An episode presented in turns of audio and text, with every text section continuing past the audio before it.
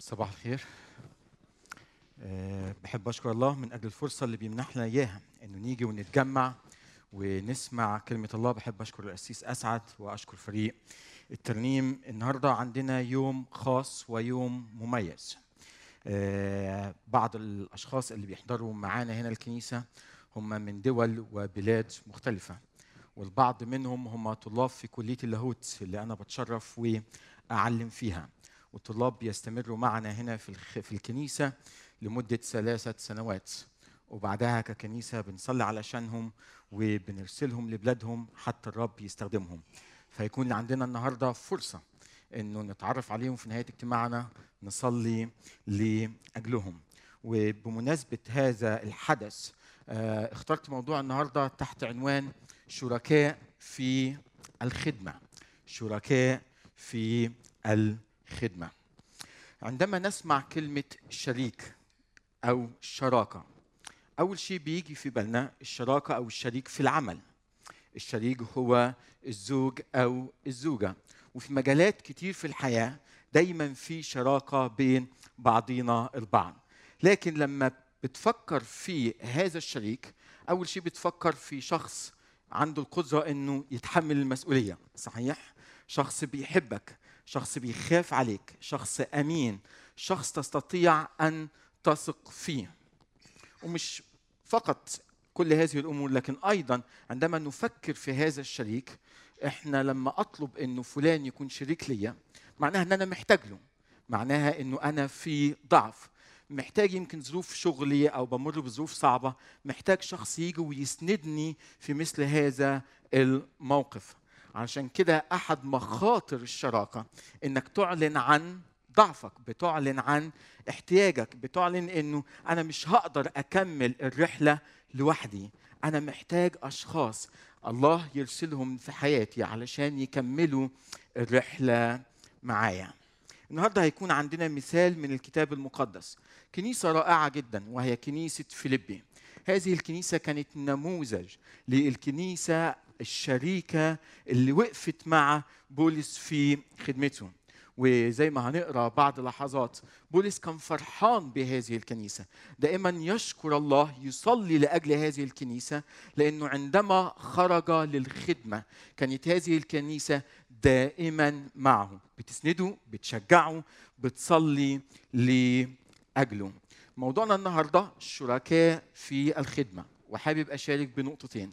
النقطة الأولى هي ما هو تعريف الشراكة؟ ماذا تعني هذه الشراكة؟ ماذا يعني إن إحنا شركاء مع بعضينا البعض في جسد المسيح؟ والنقطة الثانية روح الشراكة. عندما نكون شركاء مع آخرين في الخدمة وفي عمل الرب ما هي مواصفات هذا الشريك قبل ما أقرأ النص على حضراتكم خلوني اسمحوا لي أعطيكم خلفية عن هذه الكنيسة. المسيح قضى وقت مع تلاميذه على الأرض وجي وقت الصليب ووقت القيامة وبعدها أرسل الله تلاميذه للعالم أجمع. كان في عندنا بحسب سفر أعمال الرسل شخصيتين مهمين جدا هما بطرس وبولس. وبطرس كانت رحلته هي للأمم للخدمة في سوري لليهود للخدمة في أورشليم للأشخاص اللي من أبناء جنسه فكانت خدمة بطرس هي لليهود أما بولس فرب ثقل على قلبه إنه يطلع من أورشليم ياخد رسالة الإنجيل ويطلع من بلد لبلد من مكان لمكان يبشر بيسوع المسيح. وكل شخص يؤمن بهذا الإله كل شخص يؤمن بالمسيح يصبح عضو في هذا الجسد. وكان بولس في هذه الرحلة في كل مدينة عندما يبشر في ناس بتؤمن ويجمع الإخوة مع بعضهم البعض ويبتدوا كنيسة. فكانت مسؤولية بولس أو الخدمة اللي وضعها الله على قلب بولس هي إنه يطلع من مكان لمكان حتى ينشر رسالة الإنجيل. لكن تخيلوا معايا في البداية كان في تحديات كبيرة بتقابل شخص زي بولس عندما يذهب للمنادات بالإنجيل. في أمرين قبل بولس مهمين جدا واللي هنقراهم مع بعضينا البعض. الأمر الأول كان في أشخاص دايما يهاجموا بولس. بيحاولوا يشككوا في هذا المسيح اللي بينادي بيه. بيحاولوا يشككوا في هذه الرسالة. وكان دور بولس هنا إنه يدافع عن الإنجيل. إنه يحامي عن الإنجيل إنه يثبت لليهود وللأمم إنه يسوع المسيح هو الله الظاهر في الجسد وليس اسم آخر تحت قد أعطي تحت السماء به ينبغي أن نخلص إلا اسم يسوع المسيح. فدي أول مهمة أن يدافع عن الإنجيل. لكن الأمر الثاني اللي كان بيقوم به بولس أو بيقابله بولس أو التحدي الثاني هو إنه ليس فقط أشخاص بيهاجموه لكن كان هناك مؤامرات بيقوموا بها على بولس. وكانت نتيجة هذه المؤامرات إنه تم وضع بولس في السجن. لكن كلنا بنعرف بولس. مش بيفرق معاه إن كان بره السجن أو جوه السجن. بالعكس خدمته جوه السجن كانت مثمرة جدا. وأحد نتائج هذا الاسمار هو الرسالة اللي هنقراها مع بعضينا النهارده. رسالة بولس الرسول إلى أهل فيليبي. كتبت هذه الرسالة من قلب السجن.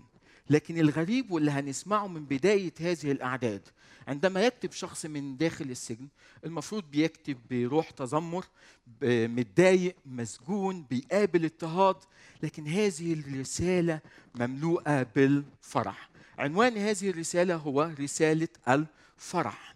وأحد الأمور الأساسية اللي كانت سبب فرح لبولس في قلب أز- أزمته في قلب ضيقه في قلب سجنه هو كنيسة فيليبي. تعالوا نقرأ مع بعضينا البعض رسالة بولس الرسول إلى أهل فيليبي والأصحاح الرابع والأعداد من عشرة إلى عد- العدد عشرين. الأصحاح الرابع العدد العاشر إلى العدد عشرين. يقول بولس هذه الكلمات ثم إني فرحت بالرب جدا لأنكم أي كنيسة فيليبي الآن قد أظهر أيضا مرة اعتناءكم بي الذي كنتم تعتنونه ولكن لم تكن لكم فرصة. كان واضح إنه كنيسة فيليبي أظهرت اعتناء اهتمام ببولس. ليس إني أقول من جهة احتياج أنا مش بحاول أقول هذا الكلام لأني محتاج ومنتظر منكم تعطوني أكتر. فإني قد تعلمت أن أكون مكتفيا بما أنا فيه. أعرف أن أتضع وأعرف أيضا أن أستفضل. في كل شيء وفي جميع الأشياء قد تدربت أن أشبع وأن أجوع. وأن أستفضل وأن أنقص. أستطيع قولوا معايا كل شيء في المسيح الذي يقويني. غير إنكم أي كنيسة فيليبي فعلتم حسنا شيء رائع. إذ اشتركتم في ضيقي. وأنتم أيضا تعلمون أيها الفيلبيون إنه في بداية الإنجيل لما خرجت من مقدونية لم تشاركني كنيسة واحدة في حساب العطاء والأخذ إلا أنتم وحدكم. لما ابتديت الخدمة لما ابتديت الرحلة عشان أبشر برسالة المسيح أنتوا كنتوا الكنيسة الأولى اللي وقفت جنبي. فإنكم في تسالونيكي أيضا أرسلتم إلي مرة ومرتين لحاجتي. ليس إني أطلب العطية أنا مش محتاج شيء بل أطلب الثمر المتكاثر لحسابكم. أنا بفرح لما بشوفكم بتعطوا. بفرح لما بشوفكم بتهتموا برسالة الإنجيل. ودوت كده زي كأنك شايل حساب في البنك. ده الله مش بينساه. ده الله بيسجله عنده. ده الله بيفرح قلب الله. ولكني قد استوفيت كل شيء واستفضلت. قد امتلأت. انتبهوا معايا. إذ قبلت من أبفروديتس الأشياء التي من عندكم. واضح إن الكنيسة في وسط الأزمة قررت إن هي تبعت شخص حتى يقف مع بولس في محنته وأزمته. وبالطبع أنتوا عارفين مش معقول الكنيسة شايفة واحد في أزمة هتبعته بإيديه فاضية. بعتوا معاه أمور كتيرة ويمكن احتياجات مادية ليس فقط لبولس لكن للكنيسة هناك. إذ قبلت من أبفروديتس الأشياء التي من عندكم. نسيم رائحة طيبة ذبيحة مقبولة مرضية عند الله. وبعدها بيصلي بولس للكنيسة فيملأ إلهي كل احتياجكم بحسب غناه في المجد في المسيح يسوع ولله وأبينا المجد إلى ظهر الداهرين. آمين. ككنيسة أحد قيمنا هو الشراكة. عندنا قنا- قناعة ككنيسة إنه بنحب نكون شركاء مع الآخرين نساعد الآخرين ودايما ككنيسة بنرحب بأنه آخرين يجوا ويساعدونا في المهمة والرسالة والمأمورية الرب اللي وضعها على قلبنا. وسبب إيماننا العميق بهذا المبدأ مبدأ الشراكة بعض المبادئ الكتابية الأساسية. نحن نؤمن إننا جسد واحد. إحنا عيلة المسيح. ليس فقط في لبنان لكن في الوطن العربي وفي كل العالم. إذا تألم عضو نحن نتألم معه. وإذا فرح عضو نحن نفرح معه. فعندما تمر الكنيسة ببعض المشاكل ببعض التحديات في أي مكان في أي دولة ككنيسة عندنا الإيمان وعندنا القناعة إن إحنا حابين نساعد إحنا حابين نعطي إحنا حابين نسند جسد المسيح في وسط الأزمة أو الضيقة اللي بيعدوا فيها. فنحن نؤمن إن إحنا جسد واحد. لكن الشيء الثاني اللي مؤمنين به إنه لا نستطيع أن نقوم بالخدمة بمفردنا إحنا عارفين إن الخدمة فيها تحديات كتير وتحديات الخدمة صعبة وأوقات كتير الرؤية اللي بيديها لنا الرب صعب إن نقوم بيها لوحدينا. وده يمكن مش فقط ككنيسة بن بن بنقابله لكن يمكن أنت وانت في حياتك الشخصية بتقابلوه أوقات كتيرة بتيجي تقوم بخدمة في وسط الكنيسة وبتشعر إنه الخدمة اللي بيضعها الله على قلبك صعبة. أنا مش هقدر أقوم بيها. أكبر من إمكانياتي أكبر من مهاراتي أكبر من احتياجاتي المادية فأنا محتاج حد يجي يسندني لأنه مش هقدر أقوم بالخدمة ديت لوحدي. لكن نؤمن أيضا بالشراكة لأنه نؤمن إنه في وحدتنا مع بعضينا البعض هناك قوة. لو أنا هقدر أقوم بالمهمة لوحدي مش هقدر. لكن لما يكون معايا شريك هذا الشريك هيدينا قوة. فدائما كجسد المسيح في وحدتنا هناك قوة. لكن كمان نحن نؤمن بالشراكة لأنه عندنا الرغبة عندنا الشوق إنه نرى الناس ليس فقط في هذا البلد لكن في كل شعب في كل أمة في كل قبيلة ولسان يعرفون المسيح سيد ومخلص ورب. فنفرح عندما يطلب مننا البعض إنه نساعدهم في إنه ينشروا رسالة الإنجيل. وبنفرح لما بيجوا آخرين بيسألونا إزاي نقف معاكم؟ إزاي نساعدكم حتى تشاركوا رسالة الإنجيل؟ فده إيماننا. إيماننا ككنيسة نحن نؤمن بالشراكة لأنه نحن جسد المسيح لأنه نحن نحتاج لبعضنا البعض لأنه وحدتنا هي في قوتنا ونرغب في انتشار رسالة المسيح في العالم اجمع اسمحوا لي أبدأ بالنقطة الأولى وهي الشراكة. ماذا تعني كلمة شراكة في الكنيسة؟ ماذا تعني إن إحنا شركاء؟ تعالوا مع بعضينا بعض نشوف المثل العملي اللي بيتكلم عنه بولس في هذه الرسالة. أول شيء في العدد العاشر بيقول بولس إنه أنا فرحت. ما هو سبب الفرح؟ أول شيء لأنه ظهر اعتنائكم ظهر اهتمامكم بيا. لما مريت بموقف صعب لما كنت بدافع عن الإنجيل وأنا في السجن أنتوا اهتميتوا. أنتوا ما سبتونيش لوحدي. ما مرتش بالظروف الصعبة ديت وأنا حاسس إنه ما فيش حد مهتم بيا. لكن أظهرتم اعتنائكم واهتمامكم بيا. والشيء الثاني بيقول عدد 14 غير إنكم فعلتم حسنا. إيش إذا اشتركتم في ضيقتي؟ أنتوا ما وقفتوش معايا فقط لما كنت بدافع عن الإنجيل وما كانش فيه صعوبات أو كنت في السجن. لكن وأنا موجود في السجن أنتوا كمان بعتوا شخص من عند الكنيسة حتى يهتم بيا وأنا عارف إن أنتوا بتصلوا. بعتوا مساعدة مادية ما تخلتوش عني في وسط هذه الضيقة. حابب أرجع معاكم للأصحاح الأول. ومن عدد ثلاثة. يبدأ بولس رسالته أيضا للكنيسة بالشكر. بيشكر الله وهذا الشكر مليان بالفرح أيضا. ليه؟ أنت فرحان يا بولس في وسط الأزمة. بيقول هذه الكلمات. فيلبي الأصحاح الأول وعدد ثلاثة. أشكر إلهي عند كل ذكري إياكم. كل مرة بتذكر كنيسة فيلبي أنا بشكر الله. ده شيء حلو إنه لما الناس تتذكر كنيسة القيامة أول شيء يعملوه يشكر الله لأجل هذه الكنيسة. ليس ذلك فقط. إحنا لما بنتذكر شركائنا اللي بيقفوا معانا من كل العالم أول شيء بنعمله إحنا بنشكر الله. بنشكر الله لأجلهم لأنه عندنا القناعة إنه بدون هذه الشراكة إحنا مش هنقدر نتمم عمل الله لوحدينا. أشكر الله إلهي عند كل ذكر إياكم دائما في كل أدعيتي مقدما الطلبة لأجل جميعكم بفرح. أنا مش بشكر الله لأن أنا مجبر. ولا بحزن لكن أنا بشكر الله وقلبي مليان بالفرح لسبب مشاركتكم في الإنجيل من أول يوم إلى الآن.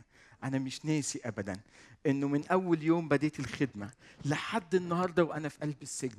مفيش يوم واحد أنتوا تخليتوا عني. وعندي هذه الثقة واثقا بهذا عينه أن الذي ابتدأ فيكم عملا صالحا يكمل إلى يوم يسوع المسيح. انتبهوا معايا. الشراكة الشراكة. هذا ليس مبدأ عالمي لكن الشراكة هي نتيجة عمل الله في حياتنا. هي ثمر عمل الله في حياة الكنيسة.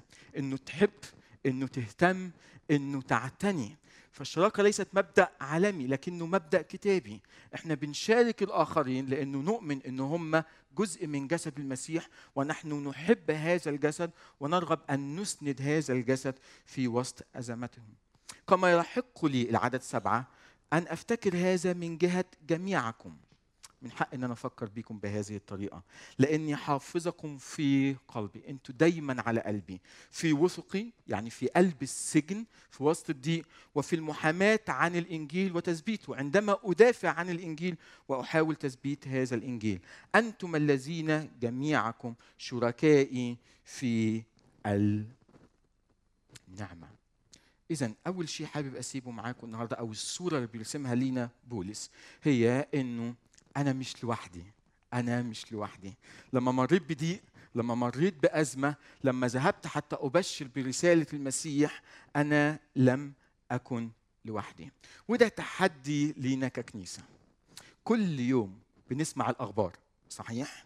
سواء أخبار دولنا العربية أو الأخبار في العالم أجمع وخصوصا أخبار دولنا العربية. ولما بنسمع الأخبار دايما بنسمع إنه في حروب في مجاعة في ضيق أوقات بنسمع إنه في بعض الاضطهاد في بعض الأماكن بنسمع إنه الكنيسة بتتألم في بعض التحديات لكن السؤال اللي لازم نسأله مع بعضينا النهارده عندما نسمع هذه الأخبار ما هي ردة فعلنا؟ هل نأخذ هذه الأمور أمام الله في الصلاة؟ نصلي لأجل كنيسته نصلي لأجل بلادنا نصلي لأجل عمل المسيح نصلي لأجل الخدام وعندما نصلي لأجل الكنيسة ولأجل بلادنا العربية الله بيثقل على قلوبنا الله بيكلمنا وبيقول لنا إن كانت الكنيسة بتتألم في هذه البلد أو في تلك البلد عليكم دور. عليكم دور ليس فقط تصلوا. يمكن نبعت في يوم من الأيام خادم يسند الكنيسة في وسط أزمتها. يمكن نجمع مع بعضينا البعض ونساعد هذه الكنيسة في وسط أزمتها. وده تحدي تحدي بيضع امامنا بولس وبيضع تضع امامنا كنيسة فيليبي. إنه هذه الكنيسة لم تفكر فقط في نفسها لكن كانت مهتمة بعمل الله مهتمة بنشر رسالة الإنجيل كانت مهتمة أنه تكون سبب فرح وسبب بركة لبولس. خليني أسألكم سؤال. لما تمر بأزمة لما تمر بضيق إيه أكتر شيء بيفرح قلبك؟ في خبرتي الشخصية أكتر شيء بيفرح قلبي لما ألاقي الرب بعت شخص وبيقول لي أنا بصلي علشانك. صح؟ وكلنا اختبرنا هالشيء لما الله يبعت شخص ويقول لي الله كلمنا عنك النهارده وحسيت إن أنا لازم آجي وأزورك. أوقات كتير لما أكون بمر بضيقة مالية ويمكن ما اتكلمتش مع أي شخص وتلاقي حد يجي ويخبط الباب ويقول لك اتفضل اتفضل الرب حط على قلبي إن أنا اساعدك بهذه المساعدة المالية. وأوقات كتيرة بتقف وتندهش بس ده بيكون سبب فرح ده بيكون سبب تعزية. واولا بترفع الشكر والحمد لله بتقول له أشكرك أشكرك لأنك مش تاركني لوحدي. وبتقول له كمان بشكرك لأجل الكنيسة لأجل جسد المسيح لأجل إخواتي اللي أنت بعتهم علشان يقفوا معايا في وسط الأزمة. ده هي دي قصة كنيسة فيليبي. كنيسة كانت تصلي كانت بتهتم كانت بتدعم وكان سبب فرح لبولس. لكن السؤال الثاني وده بيقودنا للنقطة الثانية وهي روح الشراكة. روح شراكة يمكن تسأل عماد الكنيسة ديت كانت كنيسة أكيد عندها إمكانيات مادية. أكيد كنيسة كانت مرتاحة. كنيسة كان عندها فايض وبتعطي وشعب الكنيسة كان مرتاح ماديا. تعالوا مع بعضينا نروح ل كورنثوس الثانية وأصحاح 8 وعدد 2 إلى عدد خمسة. ونشوف مع بعضينا طبيعة هذه الكنيسة ظروف هذه الكنيسة اللي ساعدت بولس في وسط أزمته. هل كانت بتعطي من وفرة؟ بتعطي بسخاء؟ بتعطي لأنه زايد من عندها؟ ولا بتعطي من احتياج؟ روح الشراكة. أنا هقرأ من ترجمة تانية كورنثوس الثانية 8 من 2 إلى خمسة. يتحدث بولس عن كنيسة فيليبي ويقول هذه الكلمات.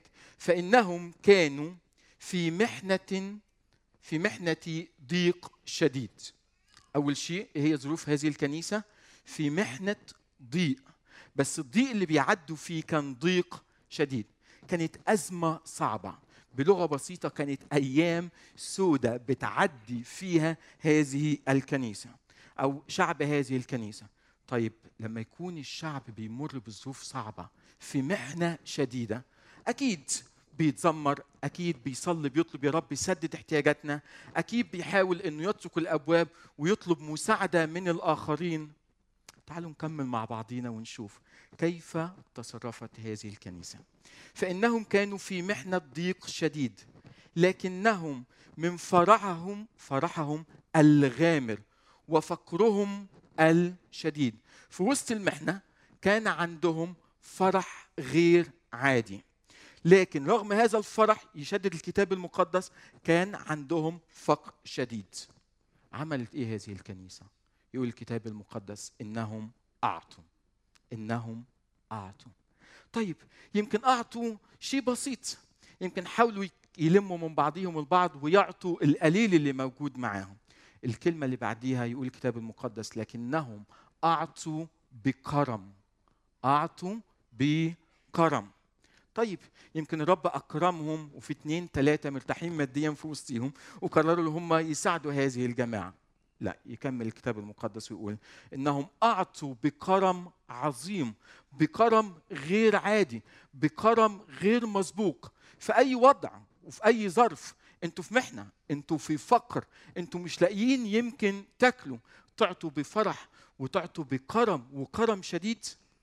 تعالوا نكمل مع بعضينا البعض. أنا أشهد بولس بيقول إنهم تبرعوا ليس فقط على قدر طاقتهم بل أعطوا فوق الطاقة أكثر من إنهم ما يتحملوه. وفعلوا ذلك. هل أنت مثلا بولس طلبت منهم بعت لهم حد تقول لهم من فضلكم ساعدونا؟ يقول بولس وفعلوا ذلك من تلقاء أنفسهم. ما حدش طلب منهم ما حدش يتكلم ما بعتناش أي حد. لكن في وسط فقرهم في وسط احتياجهم كانوا فرحانين وقرروا يعطوا وأعطوا بكرم وكرم شديد ومن تلقاء أنفسهم. طيب لما انت شفت ظروفهم عملت إيه؟ انت عارف الظروف صحيح؟ يعني المفروض تقول لهم شكرا وكتر ألف خيركم وخلوا العطية ديت لأن أنتوا أولى بيها وانتوا محتاجينها. واضح إن بولس عمل هذا الأمر لكن ما هو رد هذه الكنيسة؟ يقول الكتاب المقدس توسلوا إلينا بإلحاح توسلوا إلينا بإلحاح أن يكون لهم نصيب في التبرع لمساعدة المؤمنين. حاولنا فيهم. يا جماعة إحنا عارفين الظروف. إحنا مقدرين الوضع الصعب اللي أنتوا بتعدوا فيه. قالوا ابدا. صمموا بإلحاح إن هم يساعدوا خدمة بولس رغم كل الظروف الصعبة اللي هم بيمروا فيها. فعملوا أكثر مما نتوقع منهم لأنهم أعطوا أنفسهم لله أو للمسيح أولا ثم لنا بمشيئة الله. وده السؤال. كيف كنيسة كيف شعب في وسط فقره في وسط احتياجه في وسط ظروف صعبة بيعدي فيها قادر إنه يعطي بفرح وبكرم ومن تلقاء نفسه وبإلحاح؟ يقول بولس هقول لكم أمرين مهمين. أول شيء هذا الشعب وهذه الكنيسة أعطوا أنفسهم لمين؟ للمسيح اولا. هذه الكنيسة قررت أنه تخصص كل حياتها للمسيح. كل اللي تملوا بيه سواء إمكانيات مادية سواء طاقة سواء وقت سواء عيلة سواء ولاد هم قرروا إن هم يعطوا نفسهم للمسيح. وقالوا له أنت الملك من النهارده على كل حياتنا.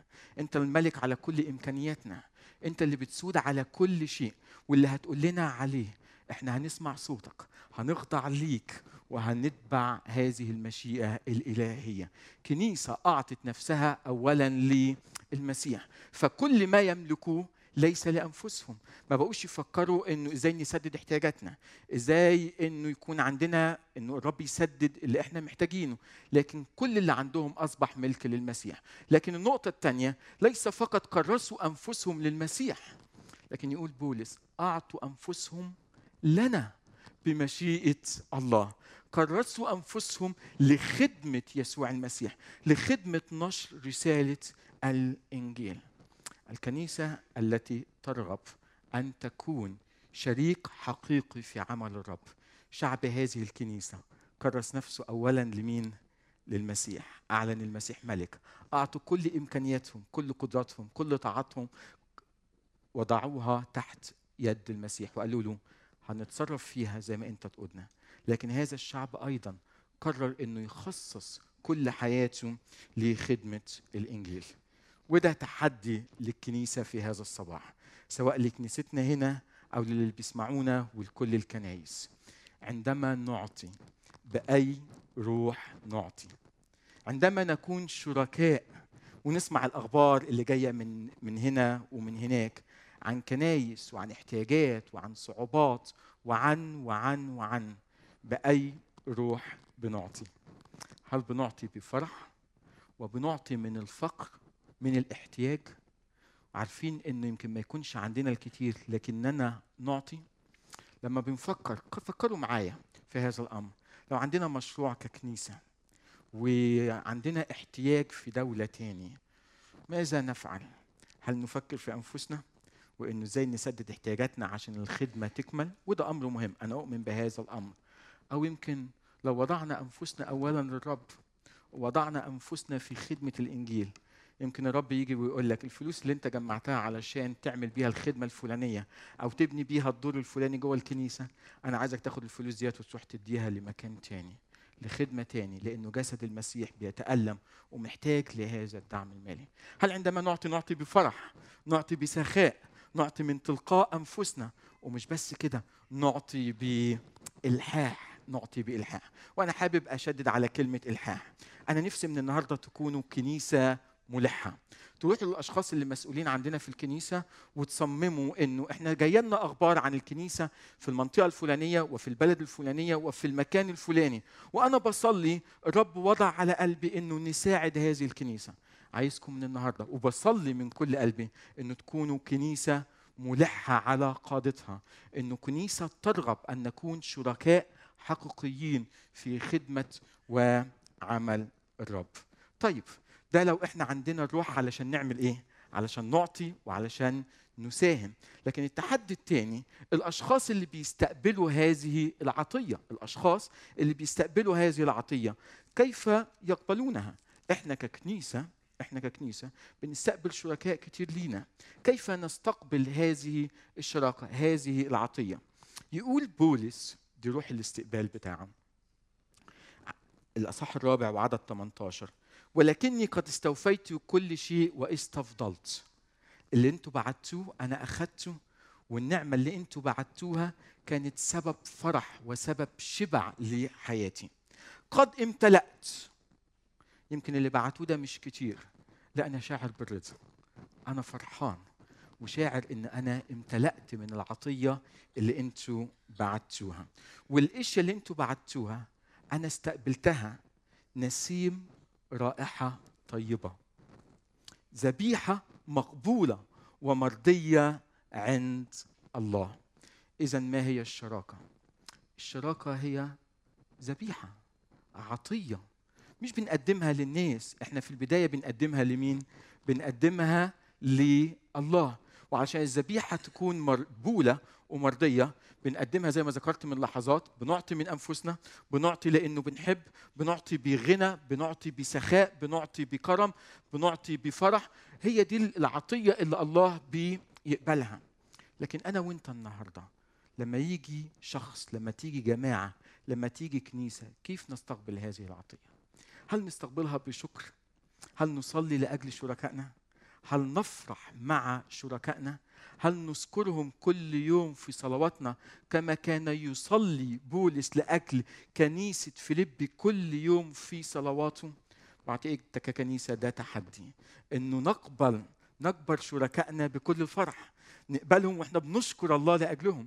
نقبلهم وإحنا بنصلي لأجلهم كل صباح. ونقول يا رب بنشكرك من أجل جسد المسيح نشكرك من أجل العيلة نشكرك يا رب لأنه في اهتمام لأنه في عناية لأنه في محبة لبعضينا البعض. علشان كده وأنت بتقدم النهارده قدم لله وأنت بتقبل اقبل لله وكأنه بولس بيقول اللي أنتوا قدمتوه ذبيحة لله الله قبل هذه الذبيحة. كيف يا بولس عرفت إن الله قبل هذه الذبيحة؟ أصل أنا قبلتها. وقبلتها بفرح وبشكر. ككنيسة عندما نقبل شركائنا نصلي ونشكر الله ونفرح من لأجلهم نحن نقبل الذبيحة التي قدموها لله وهم أيضا يفرحون. نقبل الذبيحة بروح تواضع نقبلها بمحبة بتقدير نقبلها وإحنا شاعرين إنه نحن نعلن عن ضعفنا وفرحانين إن الله بيرسل أشخاص آخرين يقفوا معانا بنفرح لأنه بنشعر إنه في اهتمام. في النهاية أنا حابب أضع هذا التحدي أمامنا وأرجع للسؤال اللي أنا ابتديت فيه. نحن شركاء في الخدمة ودي دعوة الله لينا أن لا نكون كنيسة تعيش لذاتها لكن كنيسة عندها إيمان إحنا مش لوحدينا. إحنا جزء من جسد المسيح في العالم كله. إحنا عندنا القناعة إنه حابين نساعد حابين نعطي نعطي من تلقاء أنفسنا نعطي بفرح نعطي بشكر نعطي بسخاء ونعطي بكرم. لكن عندما نقبل شركائنا أيضا نقبلهم بنفس الروح بروح الشكر وبروح الفرح. ذبيحة مرضية مقبولة من عند الله. أمين؟ Música